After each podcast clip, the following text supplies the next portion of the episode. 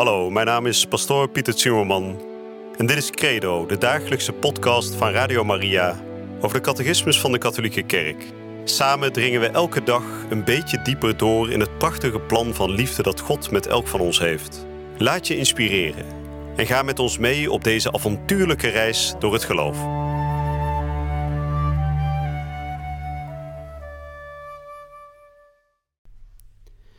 Vrienden, van harte welkom terug bij Credo, de dagelijkse podcast hier bij Radio Maria. Waar u, als u de afgelopen dagen ook gevolgd hebt, hebt gehoord dat we bezig zijn om deel uit de catechismus te behandelen. Dat spreekt over de Heilige Geest. U weet, een deel van de geloofsbeleidenis is ons geloof in de Heilige Geest. En we hebben deze dagen gehoord dat die Heilige Geest natuurlijk zeer nauw verbonden is met de Messias, met de Zoon van God.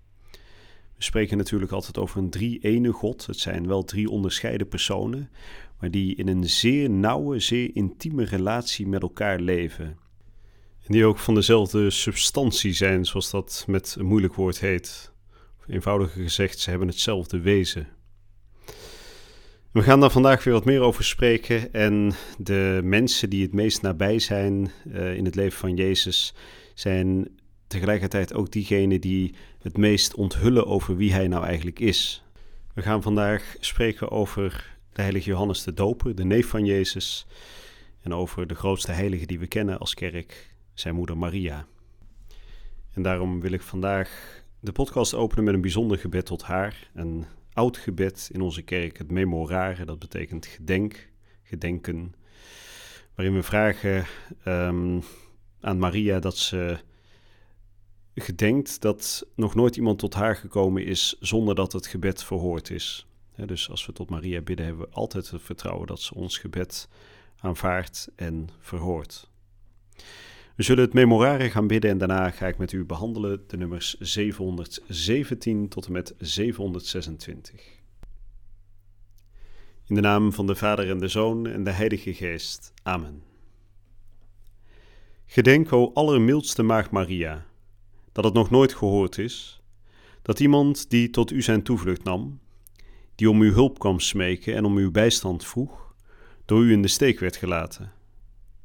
Gesterkt door dat vertrouwen, kom ik tot u, o maagd der maagden, en sta hier voor u in mijn armzaligheid en zonde. O moeder van het woord, versmaad mijn woorden niet, maar in uw goedheid, luister en wil mij verhoren. Amen.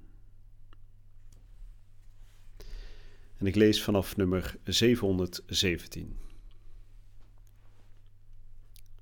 De geest van Christus in de volheid van de tijd. Johannes, voorloper, profeet en doper. Er trad een mens op, een gezondene van God. Zijn naam was Johannes. Johannes wordt nog in de moederschoot vervuld met de Heilige Geest, door Christus zelf die de maagd Maria van de Heilige Geest ontvangen had. Het bezoek van Maria en Elisabeth is zo het bezoek van God aan zijn volk geworden. Johannes is Elia die moet komen. Het vuur van de geest woont in hem en doet hem voorafgaan aan de Heer die komt, als voorloper. In Johannes de Voorloper is de Heilige Geest voor het laatst bezig in welbereid volk te vormen voor de Heer. Johannes is meer dan een profeet. In hem voltooit de Heilige Geest zijn spreken door de profeten. Johannes rondt de door Elia begonnen cyclus van profeten af. Hij kondigt de onmiddellijke nabijheid van de vertroosting van Israël aan. Hij is de stem van de vertrooster die komt zoals de geest van de waarheid zal doen, zo komt hij tot getuigenis, om te getuigen van het licht. Met betrekking tot Johannes vervult de geest zo het zoeken van de profeten en het verlangen van de engelen. Op wie gij de geest zult zien neerdalen en blijven rusten, hij is het die doopt met de Heilige Geest. Ik heb het zelf gezien en ik heb getuigd. Deze is de Zoon van God. Zie het Lam Gods. Ten slotte vinden we bij Johannes de Doper een voorafbeelding en een begin van datgene wat de Heilige Geest met en in Christus zal verwezenlijken. Het teruggeven van de goddelijke gelijkenis aan de mens. Het doopsel van Johannes was een doopsel van bekering. Het doopsel met water en de geest zal een wedergeboorte zijn. Verheug u, begenadigde.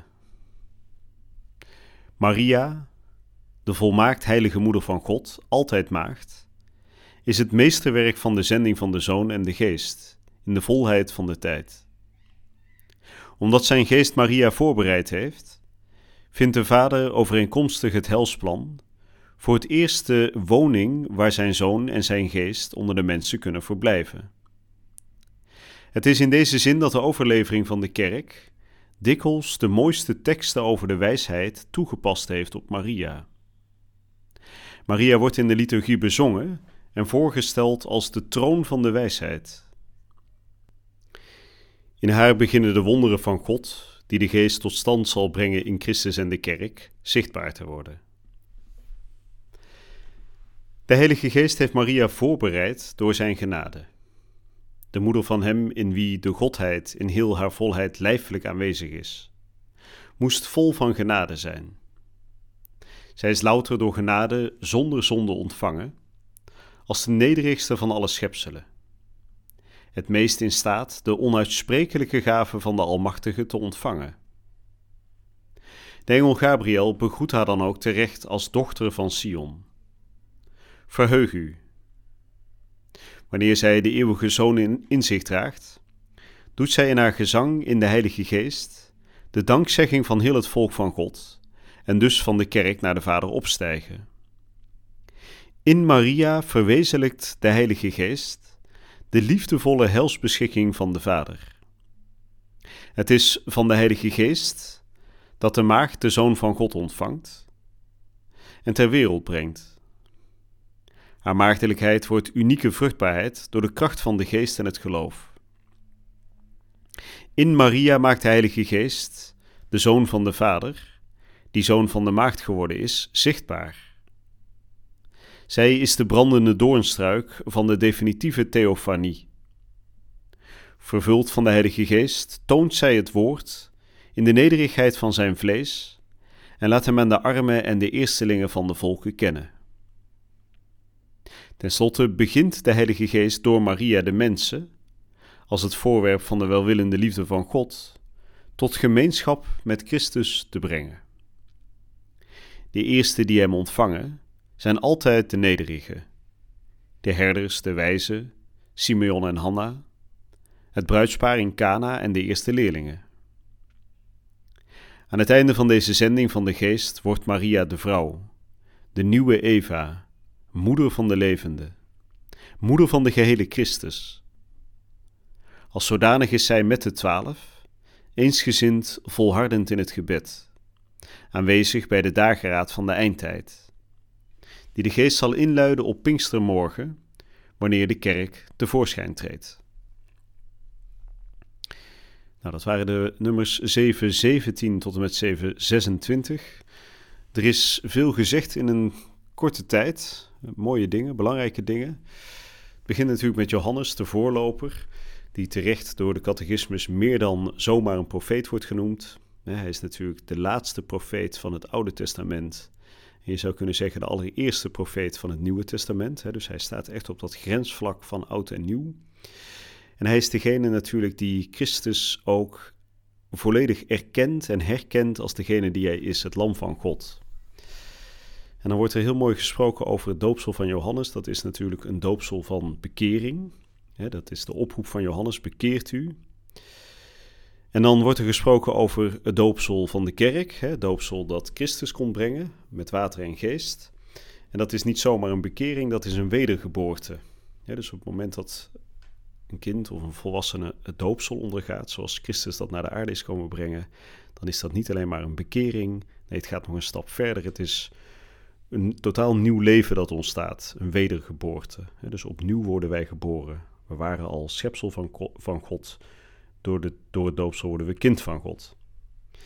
En dan wordt er gesproken vervolgens over Maria. En ik vind het schitterend hoe de catechismus aangeeft dat Maria, wanneer ze zwanger is, dat ze als tempel niet alleen van de zoon, maar ook van de geest um, fungeert. Dus ze is de woning van de zoon en van de geest. Prachtig natuurlijk dat die Heilige Geest zo nauw verbonden is met de zoon, dat de twee nooit van elkaar zijde wijken, zou je kunnen zeggen. Dus op het moment, op het moment dat Maria Jezus in haar schoot draagt, is ze tegelijkertijd ook de woning van de Heilige Geest. En wordt ze wel genoemd troon van de wijsheid. De wijsheid, in het Oude Testament met name, is vaak uh, een van de benamingen voor de Heilige Geest ook. De geest van God is de geest van wijsheid. En dan wordt vervolgens dat mooie voorbeeld gegeven van Maria die haar nicht Elisabeth bezoekt, hè? zwanger. En haar nicht ook zwanger van Johannes. En dan die prachtige ontmoeting waarbij God zijn volk bezoekt. Hè? Zo wordt het uitgelegd door de catechismus. van Maria als eerste missionaris zou je kunnen zeggen, die met Christus in haar schoot al rond gaat trekken om zo God bij de mensen te brengen. En uiteindelijk gaat de missie van Maria nog een stap verder. Hè? Ze baart Christus, de Zoon van God. En uiteindelijk is ook zij degene die als eerste uh, mensen tot gemeenschap met Christus brengt. Hè? Zij is degene die uiteindelijk met het kindje in haar armen de herders, de wijzen laat naderen. Ook Simeon en Hanna in de tempel natuurlijk begroet met Christus in haar armen. Dus zij is degene die God bij de mensen brengt. En dan tot slot, hè, Maria, meer aan het einde der tijden, haar functie, haar rol. Zij is natuurlijk ook de moeder van alle levenden.